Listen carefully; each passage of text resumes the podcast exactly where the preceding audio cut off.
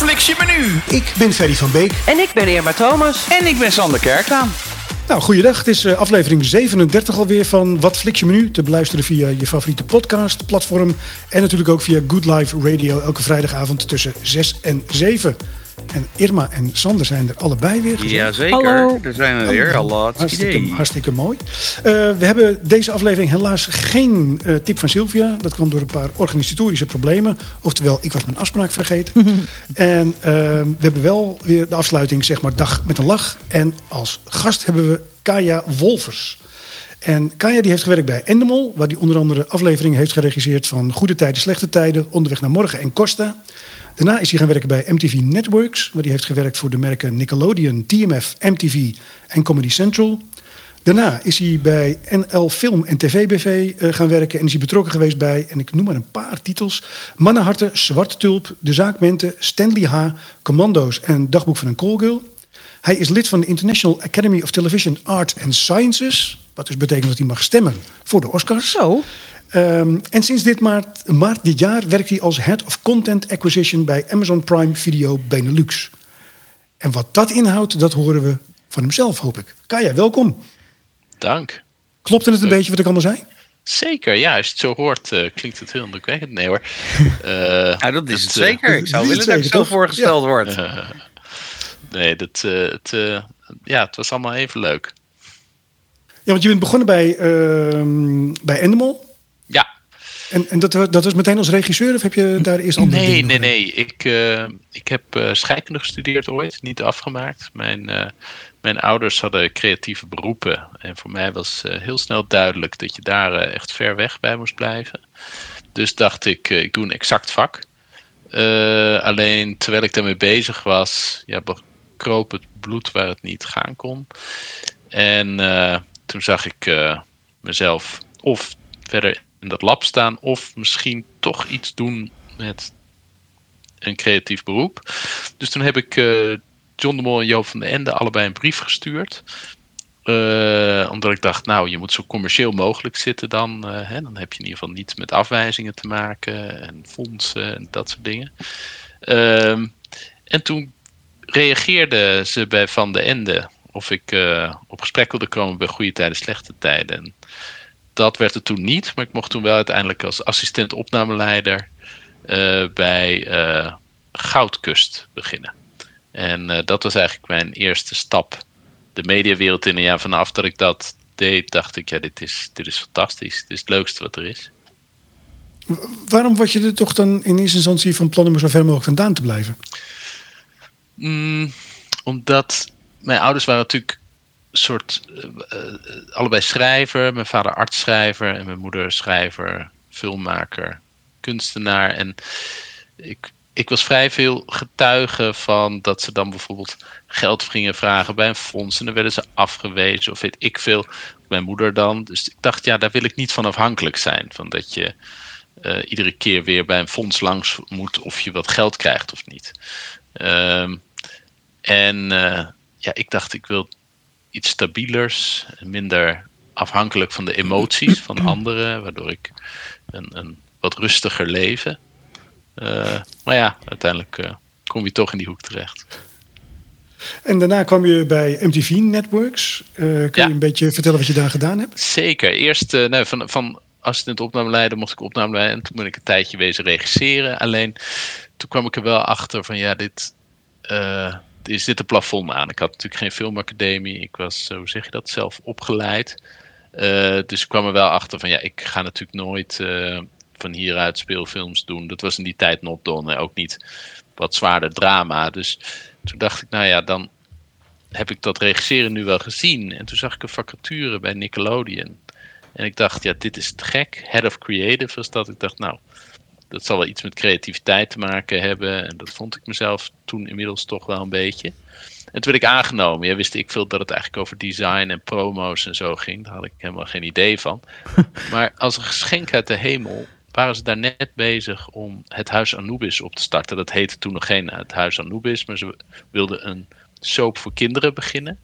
En samen met Angelique Tanea, die daar toen zat, vanuit Studio 100 mochten we samen zo'n kindersoap helemaal vanaf nul uit de grond stampen. En dat was ontzettend leuk om te doen. En succesvol. Zeer succesvol, ja, dat, dat was ook fijn. ik, dat was een cadeau, dat dat dan precies op dat moment op je pad komt. Weet je dat het mijn worst nightmare is, Huis Anubis? Hoezo? Weet je waarom? Wij, hebben toen, wij, wij werkten toen voor uh, Studio 100. We hebben de muziek geleverd voor die serie. En er zijn tot op de dag van vandaag mensen die proberen alle muziek uit die serie bij elkaar te krijgen. Ja, ja dat kan ik me heel goed voorstellen. En dan bellen ze jou de hele tijd? Of? Nou, dan komen ze erachter dat dat bij ons vandaan komt of in de bibliotheek uh, heeft gezeten. En dan willen ze precies weten in welke aflevering welk stukje muziek gezeten heeft en hoe ze eraan kunnen komen. Het heeft hele fanatieke fans. Er zijn ook mensen die erin gespeeld hebben.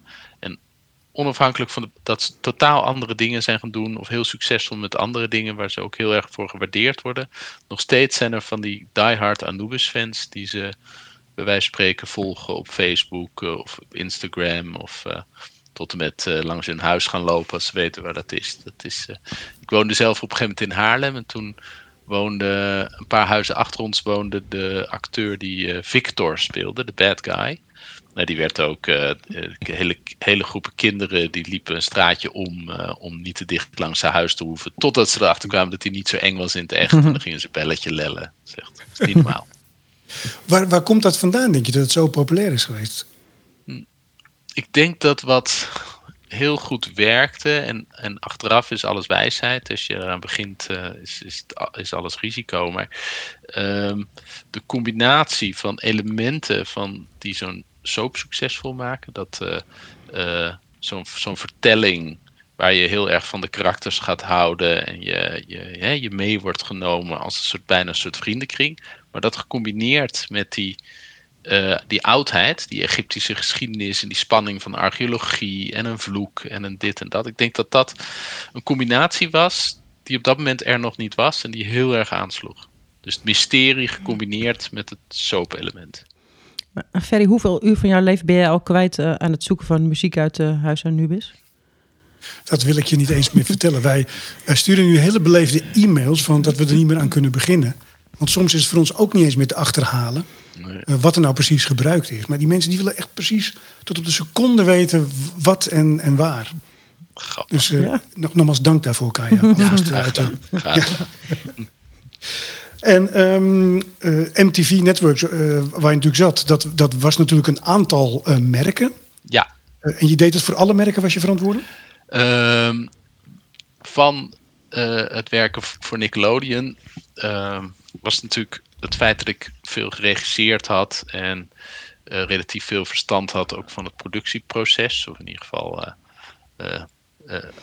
relatief dan, ehm, werd ik ook gevraagd om eigenlijk een productiehuis binnen MTV Networks te creëren.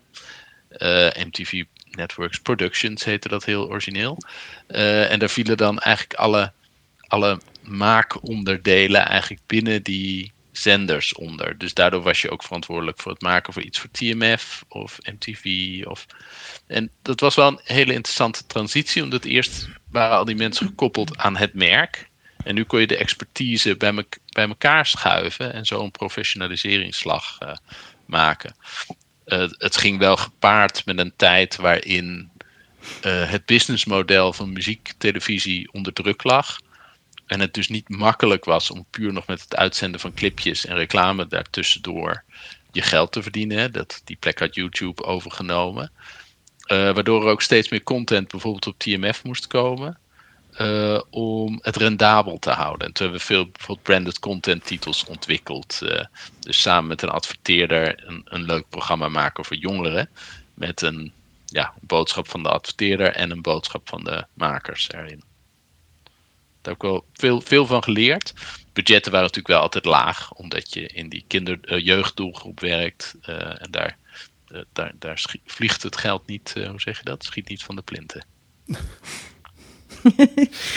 en um, toen ben je bij NL Film en TV BV terechtgekomen. En het, is wel grappig, want ik, ik zat even wat onderzoek te doen voordat we deze opname ingingen.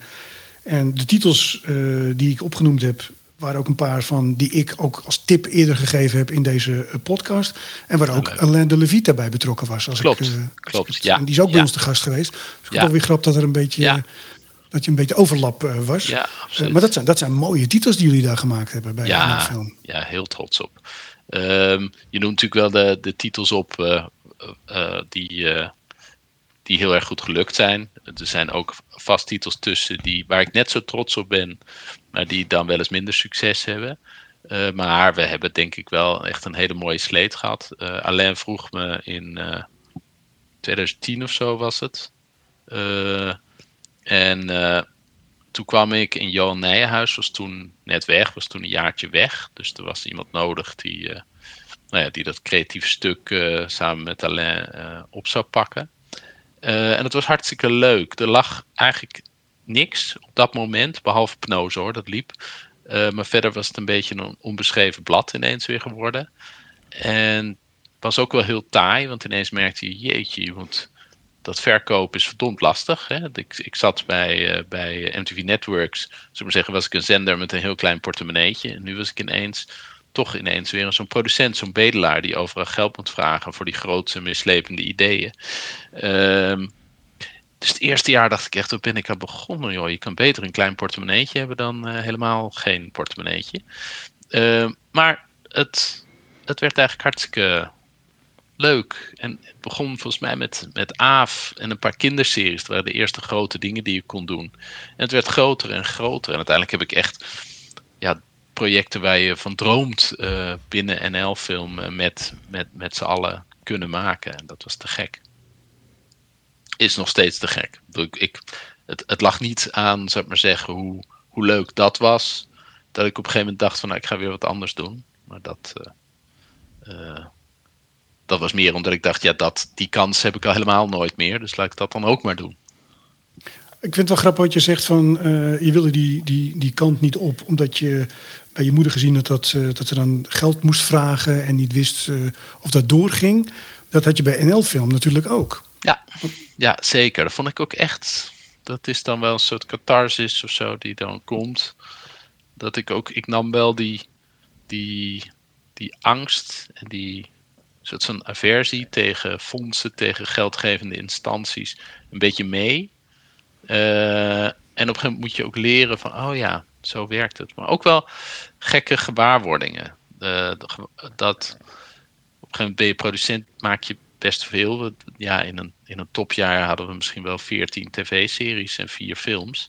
Natuurlijk echt heel veel. Uh, en dat ik me realiseerde, oh ja, maar die verschrikkelijke weken bij ons thuis vroeger, als er een film was afgewezen, dan ging er vaak op subsidie van een korte film. Uh, iets wat zoveel pijn veroorzaakt al, als je begrijpt wat ik bedoel. Je hebt gewoon een trauma opgelopen. Nee, nee zeker niet, zeker niet. Nou, het, het, uh, ik, ik vond wel, het vond het heftig wat dat dat echte, mijn, mijn moeder is natuurlijk een kunstenaar, ik niet. Uh, ik, uh, ik, ik vind het gewoon leuk om dingen te maken die mensen bewegen. Maar ik, ik, ik hou er wel van om mensen van een leuke avond te bezorgen. Het is niet omdat ik een soort stem in mezelf heb die zijn verhaal wil vertellen aan de wereld. Of zo, een soort oerschreeuw die er via content uit moet. Absoluut niet. Ehm, dus voor mij is een afwijzing veel beter te behappen dan wanneer je kunstenaar ja. bent. En je iets in je hebt zitten wat eruit moet. En, en dat heeft een sterke emotionele reactie. Ja, als ik tegen tegenslag kijk, ben ik ook boos. Maar dat is na een paar dagen wel weg. En zijn die mensen niet omkoopbaar? nou, dat lijkt me sterk. Uh, het lijkt me ook niet iets wat, uh, wat ik mensen zou aanraden om te proberen. Zou het wel makkelijker maken? Ja, absoluut. Maar ja, dan moet je dus geld betalen om weer geld te krijgen. Ja, dat is waar. Het zou niet gezond zijn. Denk je dat het nog wel een systeem is wat uh, van deze tijd is? Die fondsen? Ik, ik denk het wel. Uh, ook al zou je me dat, misschien als je me dat tien jaar geleden had gevraagd, was ik daar misschien wel uh, heel erg op tegen geweest. Maar als je nu, nu ik wat verder ben en ik kijk ernaar, denk ik dat het heel goed is dat je die instanties hebt. Zeker als ze met hun tijd meegaan. Maar als je kijkt naar waar eigenlijk de hele, het succes van de Scandies vandaan komt. Hè, van Zweeds drama en Deense films. Is van een hele actieve subs, uh, subsidiecultuur. Ehm, wat wel op een paar manier een verschil is, is dat ze daar heel erg gekozen hebben om eigenlijk veel geld aan weinig projecten te geven. En het in Nederland historisch iets meer verdeel en heers is geweest. Met een beetje geld voor ieder klein project. En misschien is het daardoor wat minder gaan vliegen. Ehm, maar ik denk dat je in kleine landen en kleine taalgebieden zonder overheidssteun het wel heel lastig hebt om, uh, om een kwaliteit te, te maken die zich kan meten met internationale kwaliteit. Maar denk jij dat uh, wat Scandinavië nu doet, dat het succes wat ze hebben komt omdat ze heel getarget aan het uh, subsidiëren zijn en een sterke focus hebben? Ja, ik denk wel dat dat in ieder geval zijn ze daar gekomen doordat ze zo begonnen zijn. En nu ja, komt er heel veel gewoon internationaal geld bij, omdat uh, het heel succesvolle producties zijn die er vandaan komt. Dus verkopen ze het over de hele wereld. En dat levert natuurlijk nog extra geld op. Maar het begint wel bij dat ze hun creatieve industrie heel erg gestimuleerd hebben met geld. Ze zijn ook al goed in muziek. Ja, klopt. Ik, volgens mij hebben ze daar weinig uh, overheidssteun ja. voor gebruikt. Nou ja, ook scholen. Hè. Als, je, als je natuurlijk uh, goede muziekopleidingen, et cetera, hebt, dat, dat is wel, lijkt me wel iets Zweeds. Ja. Het is ook een soort subsidie, alleen dan op een andere leeftijd. Denk je dat hier een soort deltaplan zou moeten komen voor die culturele sector, voor die tv-sector? Is er hoor. Er, er is een, uh, een deltaplan. Uh, ik denk, goed, dit is. Ik heb hier niet Ik denk dat het geen kwaad kan om in uh, de entertainmentindustrie of filmindustrie ook ervoor te zorgen dat mensen wat meer ervaring opdoen in de field. Dat ze gewoon uh, ook een keer bij een soap een tijdje werken of bij een, uh, uh, bij een grote studio show. Hè, dus wat meer ook merken van hoe het is om niet alleen je, je auteursgedreven film te maken, laat ik het zo zeggen. Meer commercieel. nou ja, dat je dat in ieder geval ook hebt gedaan. Zodat je dan uiteindelijk, als je dan echt je eigen verhaal wil vertellen, ook weet hoe het is om in een wat groter systeem te werken. Het grappige is dat jij nu volgens mij zit jij nu op de stoel van, van het geld geven bij Amazon. Klopt dat? Nee, je bent in ieder geval niet. Uh, je, je, je, bent een, uh, een, een service die, die content nodig heeft. Dus ja, de, daar betalen we natuurlijk voor. Good Life Radio. Ik ben Irma Thomas. Ik ben Sander Kerklaan. En ik ben Ferry van Beek. Samen zijn we de Streamusketeers en maken we Wat Flix je Menu. Het leukste programma over alle streaming. Wat Flix je Menu. Met natuurlijk ook een BN'er. Een bekende Netflixer. Elke vrijdagavond tussen 6 en 7. Op Good Life Radio. Want wat is nu precies jouw rol bij, uh, bij Amazon, als ik vraag mag? Uh, mijn rol is uh, contentacquisitie. Dus dat betekent dat ik uh, echt kijk naar wat er internationaal voor ons te koop is aan series en films. Uh, maar ook lokaal uh, aan dingen die er al zijn of die al deels gefinancierd zijn. Of die je samen doet met een ander land. Het, het co-produceren. Dat is echt mijn focus. Daarnaast hebben we ook nog de studio's, hè, de, de, de originals. Die, die wordt aangestuurd door Jacomien Nijhoff, uh, die ook bij ons begonnen is uh, in augustus. En die ontwikkelt echt uh, projecten die helemaal Amazon-owned en ontwikkeld zijn. Ik denk dat jij echt mijn droombaan hebt. En natuurlijk doe je ook heel veel dingen samen, hè? begrijp me niet verkeerd. Sorry Irma. Jij hebt mijn droombaan, denk ik, Kaya. ja, dat lijkt me. Maar hoe bepaal je nou wat geschikt is voor, voor geschikte content is voor Prime Video? Um, wat wat je doet om dat te onderzoeken is natuurlijk enerzijds heel erg luisteren naar wat je klanten leuk vinden. Je, je, je, je, je, je abonnees, je, uh, de, de mensen die je van je, uh, je service houden. Daar weet je van natuurlijk wel, hè, sommige dingen vinden ze leuker, sommige vinden ze minder. Dus je probeert wel datgene aan ze te brengen wat ze waarderen. en aan de andere kant probeer natuurlijk ook nieuwe dingen waarvan je het gut feeling hebt dat ze goed, goed kunnen gaan werken of dat ze uh, een, een, nieuwe groep mensen uh, aantrekken, uh, probeer die te kopen of te verkrijgen. en soms is dat heel erg gut en soms is het heel erg wat, wat je bijna kan, niet, niet kan berekenen, maar wat je ziet van ja, dit, dit tuurlijk wil iedereen een film met die of die acteur erin. Want ja, die scoren nou eenmaal heel goed. Maar kijk, kijk je dan echt gigantisch veel om uh, uiteindelijk een paar dingen eruit te halen? Mm, zeker, het kijken zit er natuurlijk altijd bij. Uh, maar een groot deel is natuurlijk ook gewoon uh, je verdiepen in wat eruit gaat komen, wat je nog niet kan kijken. En waar je bijvoorbeeld in een vroeg stadium oh ja, al, in mee kan doen. Ja. En dat zijn ook internationale producties. Zeker. Die, die wereldwijd op uh, Amazon gaan lopen.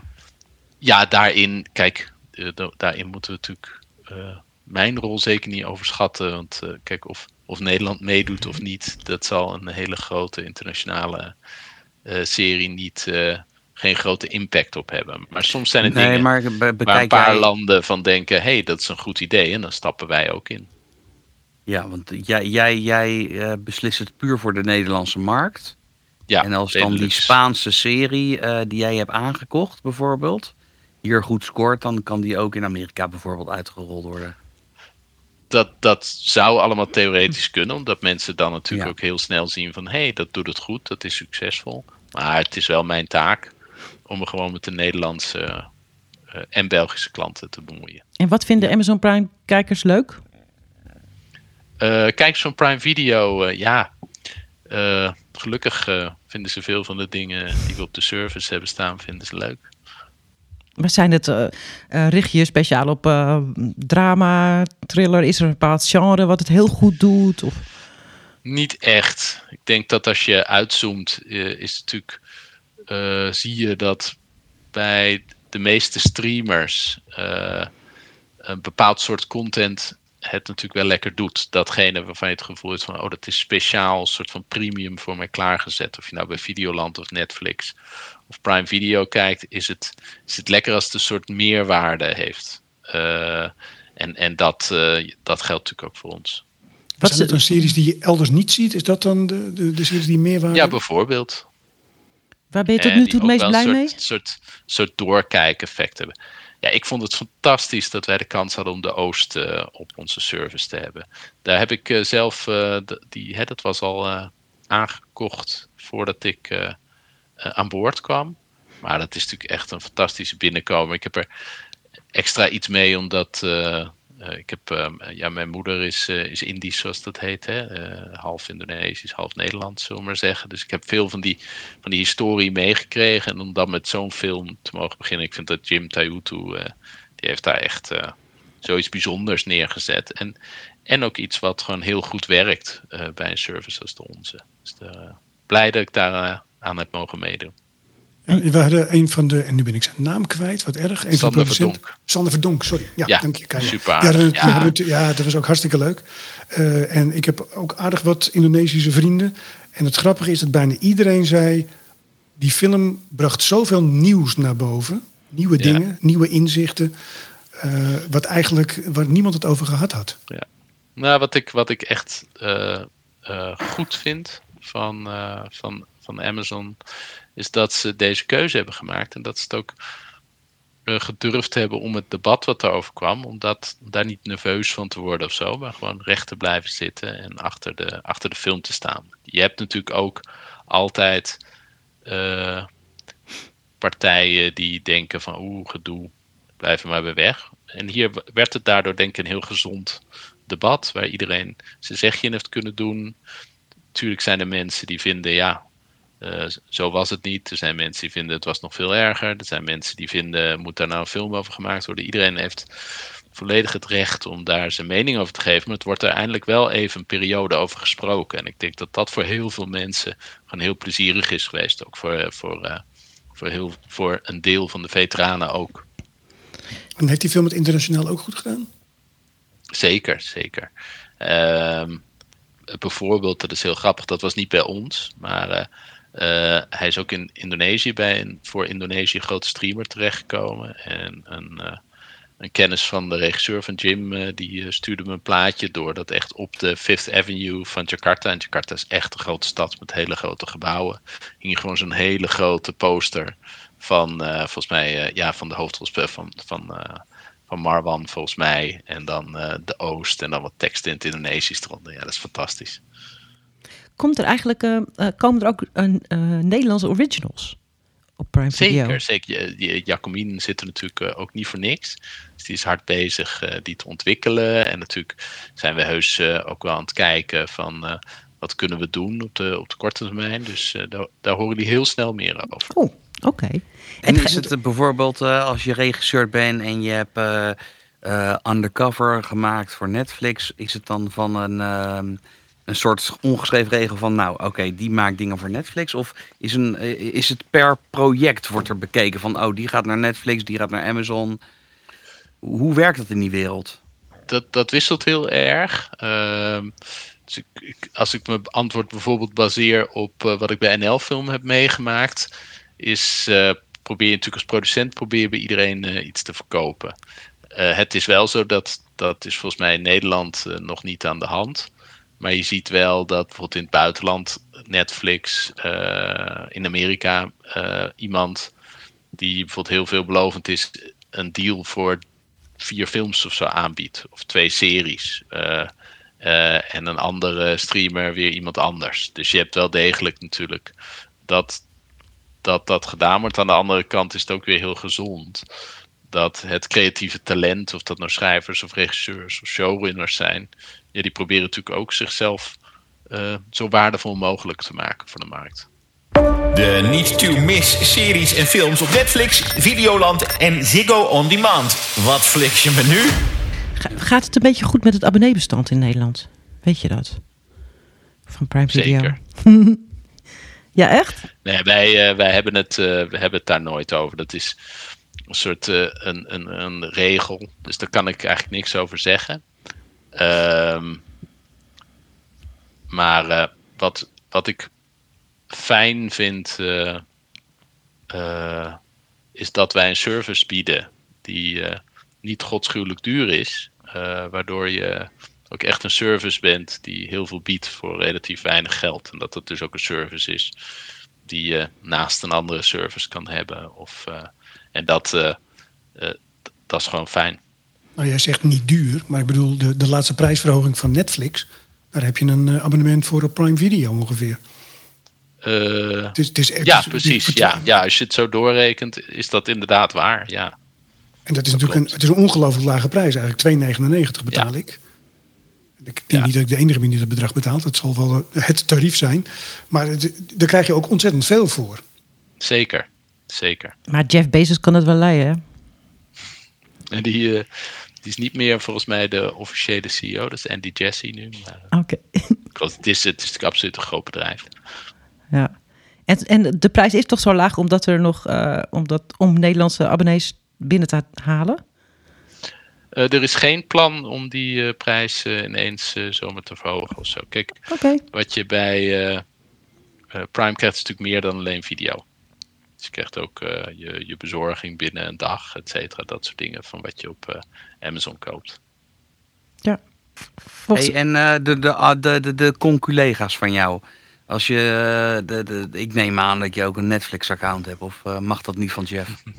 zeker, zeker. ja, ja, ja. Nee, het is natuurlijk super interessant om te zien wat, er wat er op andere services gebeurt. Sowieso zijn er dingen die gemaakt worden door bepaalde mensen die ik gewoon, waar ik gewoon fan van ben, die ik natuurlijk heel graag wil zien. Van wie ben je fan? Uh, oh, dat is een goede vraag. Uh, nee, ik vind, uh, ik vind bijvoorbeeld zo'n serie als laatste Scenes from a Marriage. Het is behoorlijk zware kost, maar op HBO vind ik te gek. Dus daar, daar, daar, daar ga ik mijn Ziggo-abonnement natuurlijk niet voor opzeggen. Sowieso ga ik mijn Ziggo-abonnement niet opzeggen natuurlijk. En Succession ben ik heel benieuwd naar. Maar ook als iedereen het heeft over Squid Game, ja, dan wil je dat natuurlijk wel zien. Het zou heel raar zijn als ik dat niet zou bekijken. Wat vond je van Squid Game? Uh, ik heb bijna af. Ik vond het uh, heel bijzonder. Uh, en vooral heel bijzonder. en dat is inspirerend. Is dat iets uit een niet voor de hand liggend contentland. Tenminste, ze hebben natuurlijk laatst een Oscar gehad. De kwaliteit van content is heel hoog in Korea. Maar je verwacht niet dat dat voor een mainstream publiek zoveel impact kan hebben. En dat is, uh, dat is super tof. En dat is ook veelbelovend voor iedere Nederlandse maker die thuis zit. Van ik heb zo'n raar idee. Ja, weet je, go for it. Ja, dat is wel, dat is wel leuk dat er zo'n enorme verrassing is, toch? Die niemand aan ziet komen. Ja. ja. ja. Maar ja, ik weet het niet. Ik, het, het is niet mijn ding. Ik, uh, heb je het, wel? Had je het nou? Ja, heb je het helemaal afgekeken? Ja. en je vond het, nog steeds, vindt het nog steeds niet leuk? Nou, ik heb het afgekeken omdat ik denk van, nou, laat ik het afkijken voor Irma. En, uh, maar nee, het, ja. Nee, het, een... het, mooie is natuurlijk, je, je, je hoeft het ook niet goed te vinden. Het feit dat je het afkijkt, dus dat de bus al zo hoog is dat de sociale druk die je ervaart, uh, dat je toch gekeken wil hebben, dat is al best wel een, uh, die, ja. best wel een is zo onwijs gecreëerd ook. Want is het, het is de best bekeken Netflix-serie? Alle tijden, ja. Ja, nou, ik vind dat nogal wat hoor. Ja, maar dat is. Maar jij zegt de, gecreëerd, maar het is echt ontstaan. Het, van tevoren had niemand dit aanzien komen. Dus dat, ja, en dan gaat het toch gewoon mond op mond. En uh, je ziet dat Netflix nu echt, echt, ze hadden al best wel wat Koreaanse dingen, maar uh, daar, daar komt nu echt, uh, komt een hele hoos aan. Er wordt heel veel gemaakt daar, denk ik. Wat, wat, wat heel indrukwekkend is, en ik kan natuurlijk niet naar de mechanismes erachter kijken hoor, maar als het zo makkelijk zou zijn om met een niet-Engelstalige serie een hype te creëren, omdat je dat kan, dan zou iedereen dat wel de hele dag doen. Ja. Net als met een hit maken natuurlijk. Met, met een, in de muziek. Ja, precies, Maar kijk jij dan ook nu met extra interesse voor de Prime Video naar, naar Aziatische. Zeker, ja, dit soort dingen zijn natuurlijk uh, super, super interessant om te bekijken. En er zijn natuurlijk heel veel mensen binnen Prime Video die uh, ook daar heel scherp op zijn. Maar ja, nee, dit is. hoe zeg je dat? Het, het, het is een incentive om te durven om risico te nemen, soms met je keuzes. En uh, of dat nou is als je zelf achter de tekentafel zit met een idee, of als je degene bent die moet beslissen wat er op uh, een zender of een, uh, of een streaming service moet komen. dit, dit is wel een opsteker voor de mensen die durven. Ja, ja zeker. En, en, en Parasite, was hij nou op Amazon of op. die was toch op Amazon of niet? Ja, ook, ook bij ons. ja, oké. Die, heb, die heb ik nog steeds niet gezien. Dus dat uh... is ook uh, zeker ook de moeite waard, vind ik. En nu was er laatste was er de film uh, Forever Rich hè, op, op Netflix. Ik weet niet of je die gezien hebt. Die heb ik helaas nog niet gezien. Oké. Nou, ik vond het best een aardige film. Ik had er ook wel hoge verwachtingen van voor Netflix. En hij heeft helemaal niets gedaan. Dat, dat vind ik dan weer zo Omdat raar. hij gehyped wordt. het was de eerste Nederlandse Netflix film. original. Ik, ik ik heb hem niet gezien, dus ik, ik, uh, ik, ik, ik, kan er niet over, over, over oordelen. Ik denk dat de. Kijk, hype kan je niet creëren, want anders zou je bijvoorbeeld zo'n film waar je natuurlijk geld in hebt gestoken, zou je wel hypen. Uh, dus dat is niet een bewuste keuze. Er, zitten niet mensen bij Netflix die denken: oh, dit hypen we niet en dat hypen we wel. Dat geloof ik niet. Um, in principe wil je dat alles op zijn eigen manier het publiek vindt. Um, of het het niet gedaan is, is natuurlijk altijd moeilijk beoordelen. Voor hetzelfde geld doen dingen het weer in andere landen heel erg goed. Dus dat weten zij alleen, omdat uh, ja, die, die, die kijkersaantallen uh, worden niet gedeeld. Uh, dus wie weet doet hij het wel veel beter dan wij denken. En is het gewoon in, ja. of hè, dan, je, dan je aanneemt. Uh, en is het gewoon in je omgeving dat het misschien daar net niet is. Dat is, ja, dat is moeilijk in te schatten. Ik kijk dan wel vooral naar die top 10 hè, die Netflix altijd geeft. Ja, en daar heeft hij heel, heel kort uh, in, de hoogste, in de laagste regionen meegedaan. En daar, daar was hij er al snel uit. Nu hoorde ik, ik luisterde ik laatst naar een, uh, naar een concurrerende podcast. En zij beweerden dat, tenminste ze dachten dat die hele top 10 totale nonsens is. Dat ze die alleen maar maken om inderdaad een hype te creëren. Zoals bijvoorbeeld zij zeiden bijvoorbeeld die Deense serie, uh, uh, ja, Deense serie Kastanjemanden, die stond in de top 10. Nou, onmogelijk, kan niet, daar kijkt niemand naar. De Amerikaanse serie Meet, onmogelijk. En, en, ik neem dat blindelings voor waar aan. Het zou mij heel, uh, heel sterk lijken als het niet klopt. Ja, toch? Wij, wij hebben ook een top 10 en dat klopt gewoon. Ja, zie je wel. Ik begon al aan ja. mezelf te twijfelen. Kijk, je, je hoeft mij natuurlijk ook niet, uh, niet te vertrouwen, want ik, ik zou hier ook niet zeggen als het niet zou kloppen. Maar er ik is je heel veel belang uh, om dit soort dingen niet uh, te laten kloppen. want de, de essentie is juist dat je het ziet en dat je dan weet oh leuk, dan kan ik het er dus over hebben bij mijn koffieapparaat, met mijn collega's. Want die, dan is de kans groot dat die het ook hebben gezien. Dus dan krijg je het gesprek. Ja, ik, ik heb zo'n gekke Deense, of wat, ik weet niet meer precies welke naam je zei, zo'n gekke Deense serie gezien. En wat zie je? Blijkt dat heel veel mensen dat gezien hebben. Dan heb je een leuk gesprek. En ja. dat is waarde voor iedereen. En ook voor de content zelf.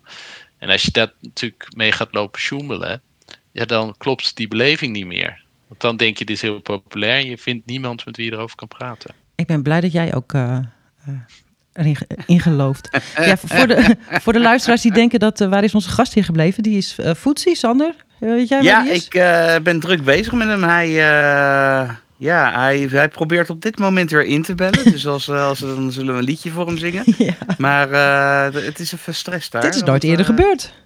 Nee, en, maar hij, hij staat er ook van te kijken dat de teller gewoon doorloopt. Want hij vraagt van, heb je nog contact met Kaya?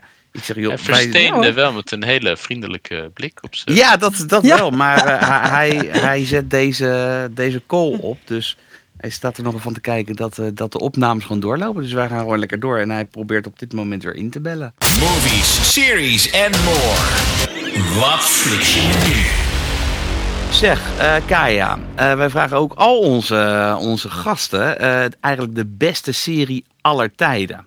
Of in ieder geval, het hoeft niet de beste, maar één van de. Dat je zegt van nou, als ik, als ik echt moet kiezen, daar was ik zo van onder de indruk. Uh, goeie vraag. Uh, leuk. Uh, mag ook een film zijn.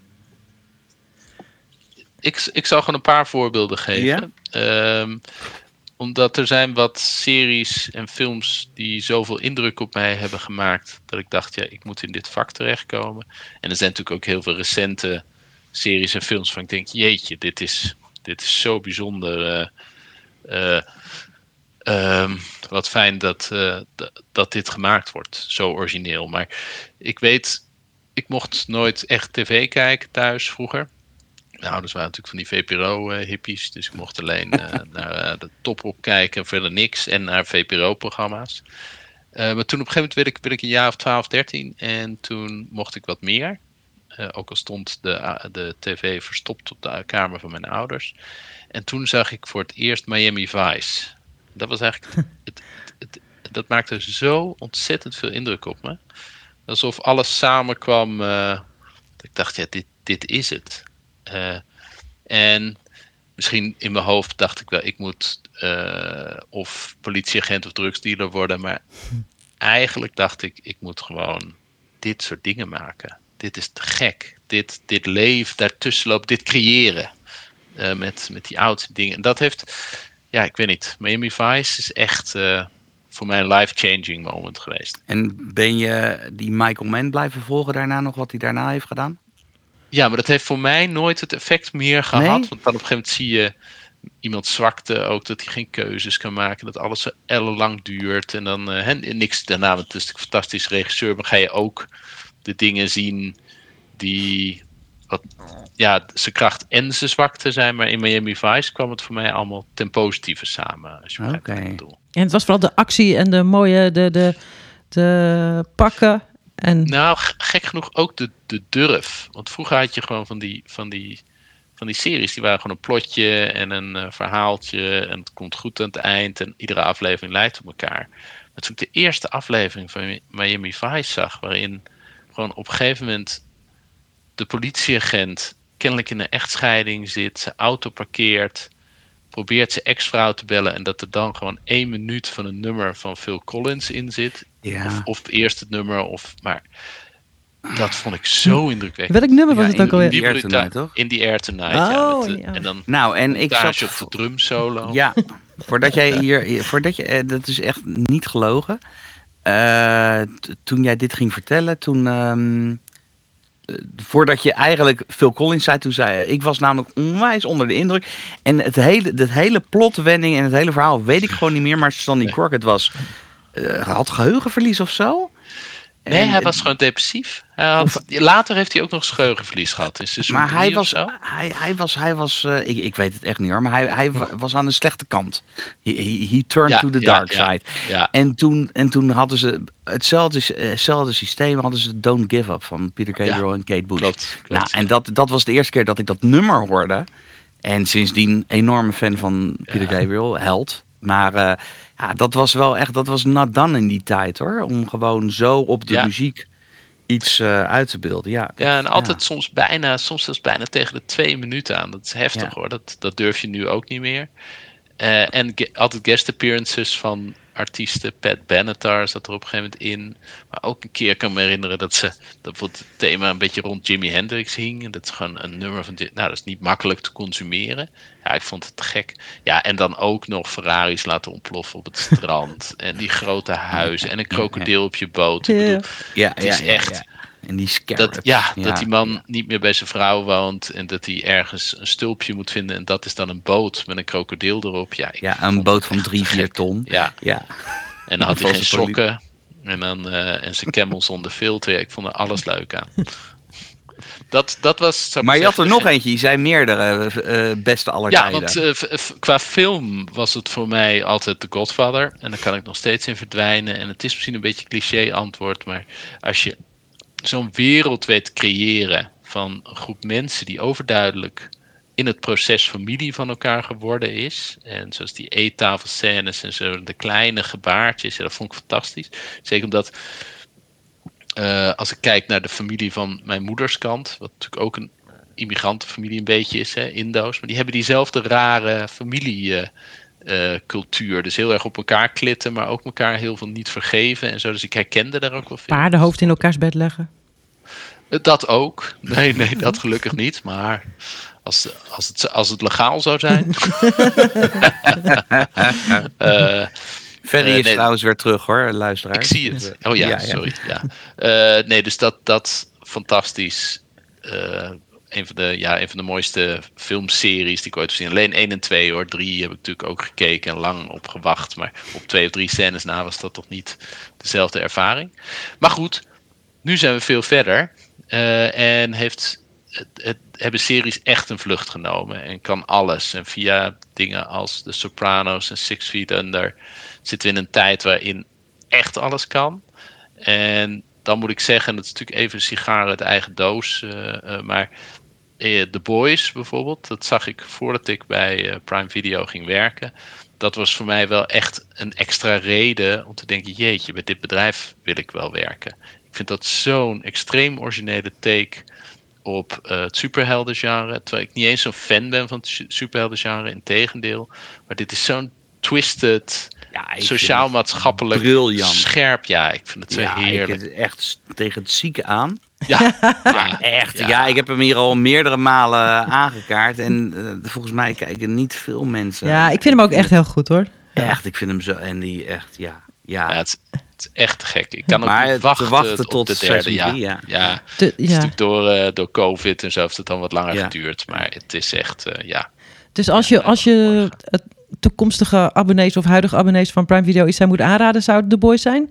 Om te gaan kijken als eerste? Is echt, uh, naast al het mooie wat er nog meer op komt en op is. Maar de, de, de Boys, ik zou zeggen, gelijk de, de, vanaf het moment dat hij doet, zou ik uh, die twee seizoenen achter elkaar gaan bingen. Ik wou dat ik dat nog een keer kon doen. Echt. Ik, uh, ik val midden in een, in een discussie, maar dan wil ik toch even mijn vraag stellen. Uh, wat, wanneer komt de spin-off van Bosch? Gewoon een, een ja, helemaal geen eigen belang hoor, dit. Zou, ik, zou ik geen antwoord op durven geven. Die komt wel, heb ik, heb ik begrepen, klopt dat? Ik, als dat zo zou zijn, zou ik het echt niet weten. Oké. Kan ik wel een verzoekje indienen bij jou dan? Zeker, ik zal het doorgeven. ja. ja. Ik, ik weet niet waar jullie waren, dus ga rustig door met het, uh, met Mijn het favoriete gesprek. serie. En okay.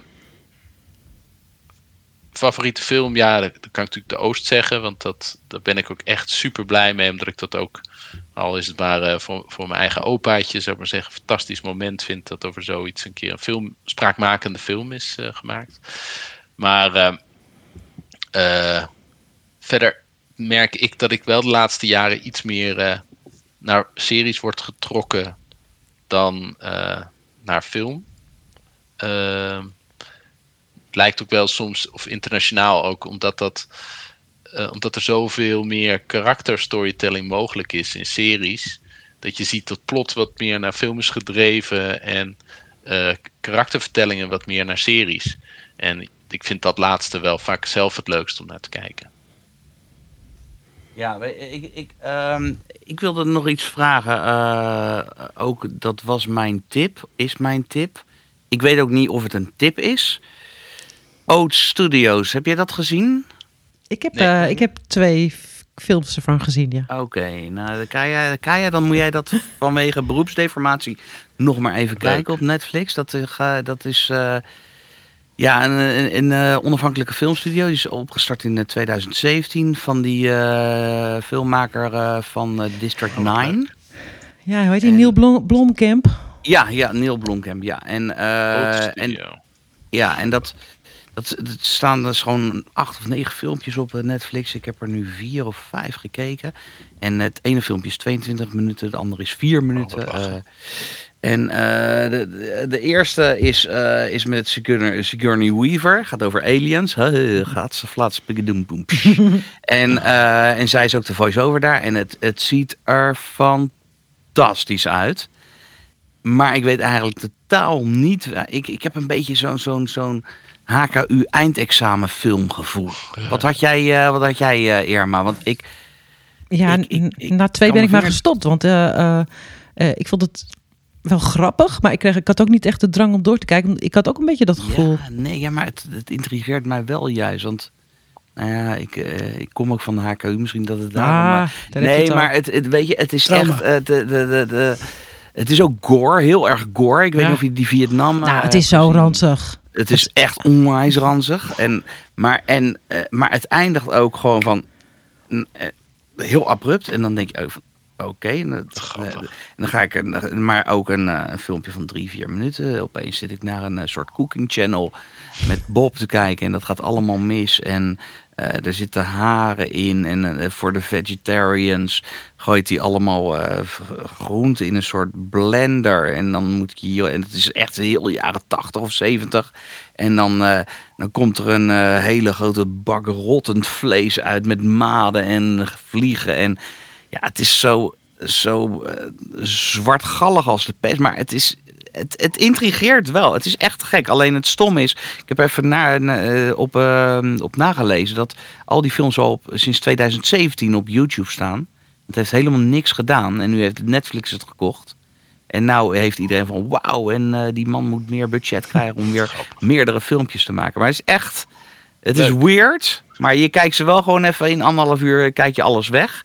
Maar het is wel echt, ziet er wel echt heel goed uit, heel gaaf. District kijken. 9 was natuurlijk ook een hele aparte film. Ja. Die heb ik zelfs in de bioscoop gezien. Dan zat ik ook van, ja, vond ik het nou goed? Vond ik het intrigerend? Ik, ik, ik, ik, weet, ik, weet, ik weet het niet. Dus, maar dat is bij deze ook. Dus, Gaan we er eens in verdiepen, lollig. Een tip weet ik niet, maar... Uh, Irma, heb jij nog... Uh, nou, Ferry zal ook nog wel wat gekeken hebben. De beste streamingtips krijg je van Wat Flixje Menu en Guiding. Ja, ik heb heel veel gekeken, maar ik, uh, ik ga het hier maar denk ik hebben over De Slag om de Schelde. Hebben jullie die inmiddels al gezien? Nee. Hij staat op Netflix nu. Hij doet het, las ik, heel erg goed in uh, Amerika, Engeland, Canada. Verrassend. Uh, voor, voor een Nederlands film, maar wel heel erg leuk. Heel bijzonder uh, dat Alain dat voor elkaar heeft geschopt. Echt, ik vind dat zo indrukwekkend. Ja, hij gaat echt dat goed. Je, dat je zo'n megafilm weet En dan niet ingezonden worden voor de Oscars. Gek. Dat is wel een rotstreek, ja. ja. Wat is maar ingezonden dan?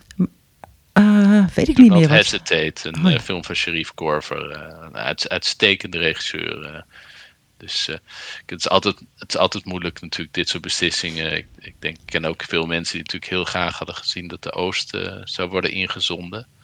Maar ik snap wel, niks te nadelen, maar ik snap dat als je natuurlijk een hele, hele grote film hebt gemaakt die zo succesvol is, dat je er ontzettend van baalt dat je dan niet verkozen wordt. Uh, ja. dat, uh, dat is, vind ik heel invoelbaar. Ja. Maar nou ja, de, de film werd dus enorm goed gerecenseerd overal. Ik vond hem ook, een goed, ik vond hem ook goed. Maar ik heb toch wat problemen met uh, de Slag om de Schelde. Het gaat dus over september 44. Nederland denkt al dat het bijna bevrijd is. Maar eerst moet nog de Westerschelde van de Duitsers worden afgenomen. Ehm, en daardoor vindt de slag om de Schelde plaats. Um, maar je, ja, je, volgt drie jonge mensen. Hè? Een meisje, Teuntje, dat uh, gaat het verzet in. Een jonge marines uh, Nederlander vecht met de Duitsers mee. Krijgt daarna wat gewe gewetensvroeging. En een Engelse jongen die met een glider op weg is naar Arnhem... en strand in Zeeland en zo mee gaat doen aan de Slag om de Schelde. Mm, die, maar uiteindelijk duurt het heel lang voordat de Slag om de Schelde komt. En als hij dan komt, dan zie je denk ik 100 man vechten of zo. Dus ik heb, ben daarna gaan googelen hoe groot die slag om de Schelde nou eigenlijk was. Want je zag het niet aan de film af. En dat vond ik wel heel erg jammer. Voelen jullie met me mee? Ja, er waren tienduizenden mensen. Maar je ziet er denk ik honderd of zo. Nu komt dat waarschijnlijk omdat ze op die dijkjes in Zeeland moesten vechten. Er passen geen duizenden mensen op. Dus op elk dijkje zal er wel een gevecht hebben plaatsgevonden. Uh, maar nu lijkt het heel klein ik voel, ik voel helemaal geen medeleven hier met jullie. Of enige... Mm, ik heb hem niet gezien nog, dus ik, ik kan niet... Uh, sorry, ik, ik kan hier geen mening over vormen. Het, het, wordt neergezet als een hele grootse film. Dus dan, als jij zegt dat het dan klein voelt... dan heb ik het idee van... Wat, is daar, wat is daar anders? De uiteindelijke slag voelt heel klein. Daarvoor is het best wel groot. Dan zie je de, de, zie die glider aankomen. En dan zie je spectaculaire uh, gevechten. Met de, als ze gebombardeerd worden enzovoort.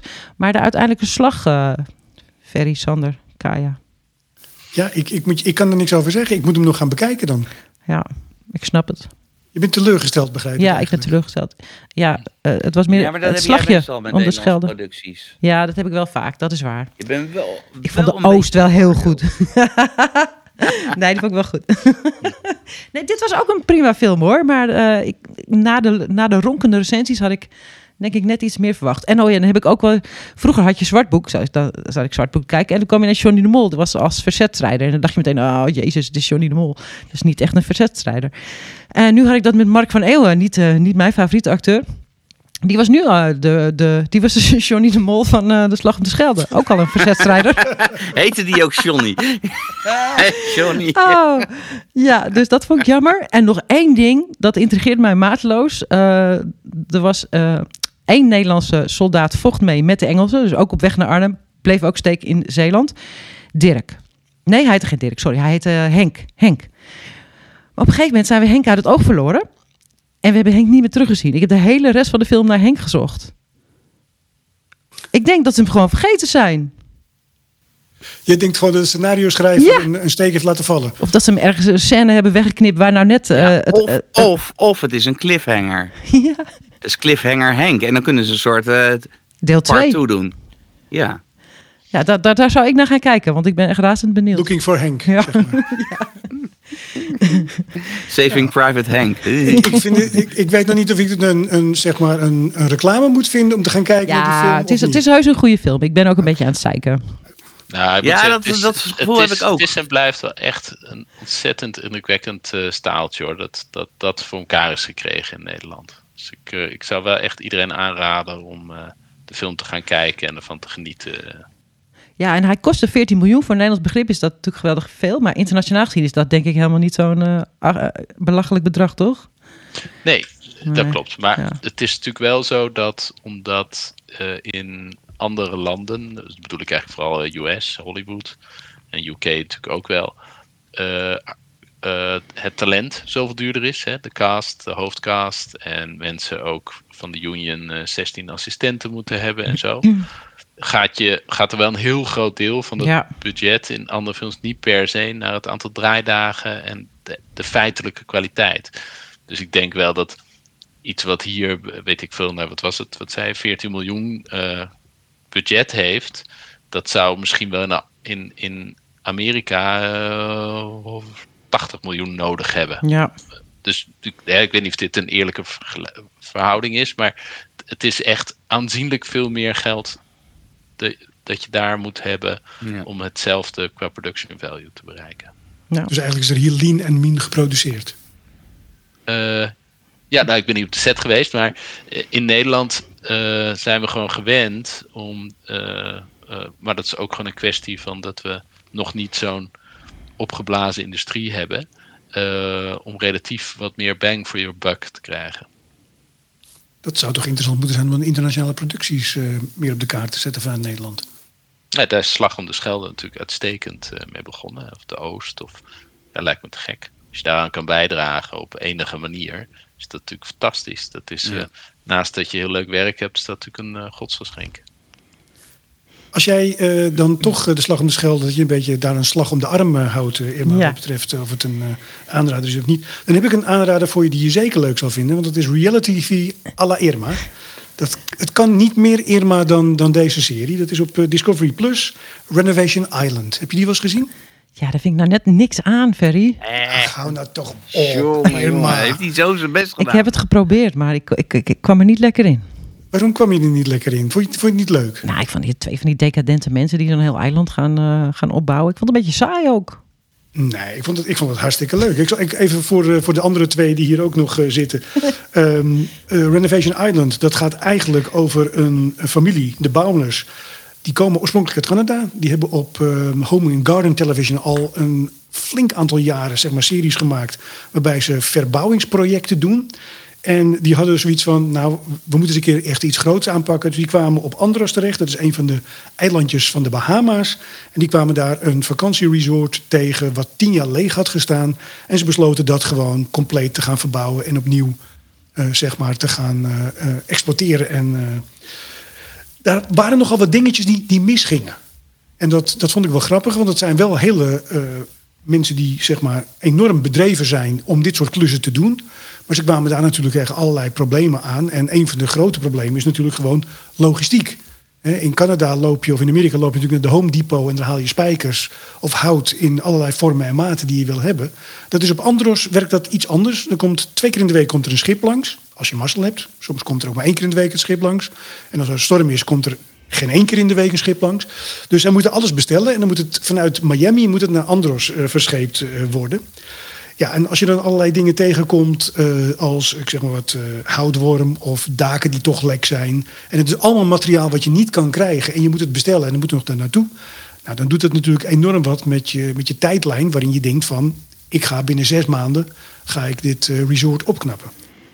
spoiler alert, het lukt niet binnen zes maanden. ze zijn inmiddels bijna een seizoen vier bezig. Dan weet je altijd dat het bijna drie tot vier jaar duurt. Uh, ik vond het erg vermakelijk om naar te kijken, maar ook omdat het, het is zonnig. Zeker nu in deze donkere dagen. Strand, mensen. Heerlijk. Maar het is dus eigenlijk, uh, ik vertrek XXXXL. Ja, nou zeker XXXL. Dit, waren toch, dit was toch wel een, een bouwproject. Ja. Ik, ik had gedacht dat het echt wat voor jou zou zijn. Ja, ja, sorry. Ja. ja. Nee. Ik heb geen flauw idee waar we qua tijd zitten. Want ik heb natuurlijk... Uh, uh, we hebben nog uh, drie minuten ongeveer. Vier minuten. We hebben nog drie minuten. Nou, vind je het goed dat ik nog even de post behandel? Ja, heel snel. ja, even snel? Of... nou, ik zal, ik zal wat minder post doen dan, wat langzamer. Um, reactie op de post zijn geweest. jouw tip, Irma, over kastanjemanden. Helene zegt fantastisch spannend met een heel verrassende twist. En Ranier zegt spannende serie. Echt uh, goede tips. Sander had Billions um, getipt en Gainer zegt geweldig is het. Ik ben het met Sander Kerklaan eens. um, Halloween tips. Iris die zegt uh, niet echt de ultieme kijktip. Maar na Mirrors kon ik drie weken lang niet in een spiegel kijken. Heeft iemand Mirrors gezien? Nee, het zegt me echt niets. Nee. Is dat een film? Ja, dat weet jij ook uh, niet natuurlijk. Dat weet ik niet. Oké, die, ga, die ga ik opzoeken. Dan hebben we hier nog wat losse kijktips. Love on the Spectrum, Netflix. Lijkt een beetje op de Undatables van uh, TLC. Reality, dus wel echt iets voor jou, Irma. Kijk, zie je, iedereen... iedereen denkt aan mij. Met, uh, reality. Um, en The Last Kingdom. Een Britse historische serie met inmiddels vier seizoenen. Er staat al een tijd online, heeft hij gezegd van Vikings. En het gaat over de Denen versus de Saksische mensen. Geweld, intriges, seks en machtspelletjes. Seizoen 5 uh, komt, onjaar, uh, komt aankomend jaar online. Eerst via BBC First. En er komt zelfs een film aan. Schijnt dus een goede tip te zijn. Oké. Nou, mocht je tips hebben voor ons, dan kan dat natuurlijk via onze socials kun je dat binnenbrengen. Of je kunt mailen naar nauwzeg, het wat fliks je menu. Dan is het weer tijd uh, geworden, denk ik, om af te sluiten. Toch, Sander? Hoeveel, hoeveel minuten heb ik nog? Nou, uh, ik, kijk, ik moet wat editen natuurlijk, maar we zitten op 1 uur 5 nu. Dus uh, en, je, je, je, bent 10 minuten weg geweest. Dus, het voelt als een levenslang dat ja, ja, nou inderdaad. Maar we vielen, we vielen ook wel in een gat hoor. Dus dat daar een beetje... Ja, mijn ik zou ook nog uh, even iets uit uh, van, uh, van onze eigen service tippen. Ja. ik heb laatst Cruel Summer even goed bekeken. Ik zie natuurlijk altijd wel een paar afleveringen. En het is, het is een young adult serie, maar eigenlijk het script is zo zit zo ontzettend slim in elkaar. Het vertelt eigenlijk in drie zomers van uh, dezelfde groep mensen. En die drie zomers zijn door elkaar heen gesneden, want er is iets vreselijks gebeurd. Maar er zitten zoveel twists en plotwendingen in. Het is echt heel erg goed geschreven. En in eerste instantie denk je, oh, het is misschien wat jong, het is niet iets voor mij. Maar het is, het is echt een aanrader. Cruel Summer. Dat zeg ik niet alleen omdat het op Prime Video staat.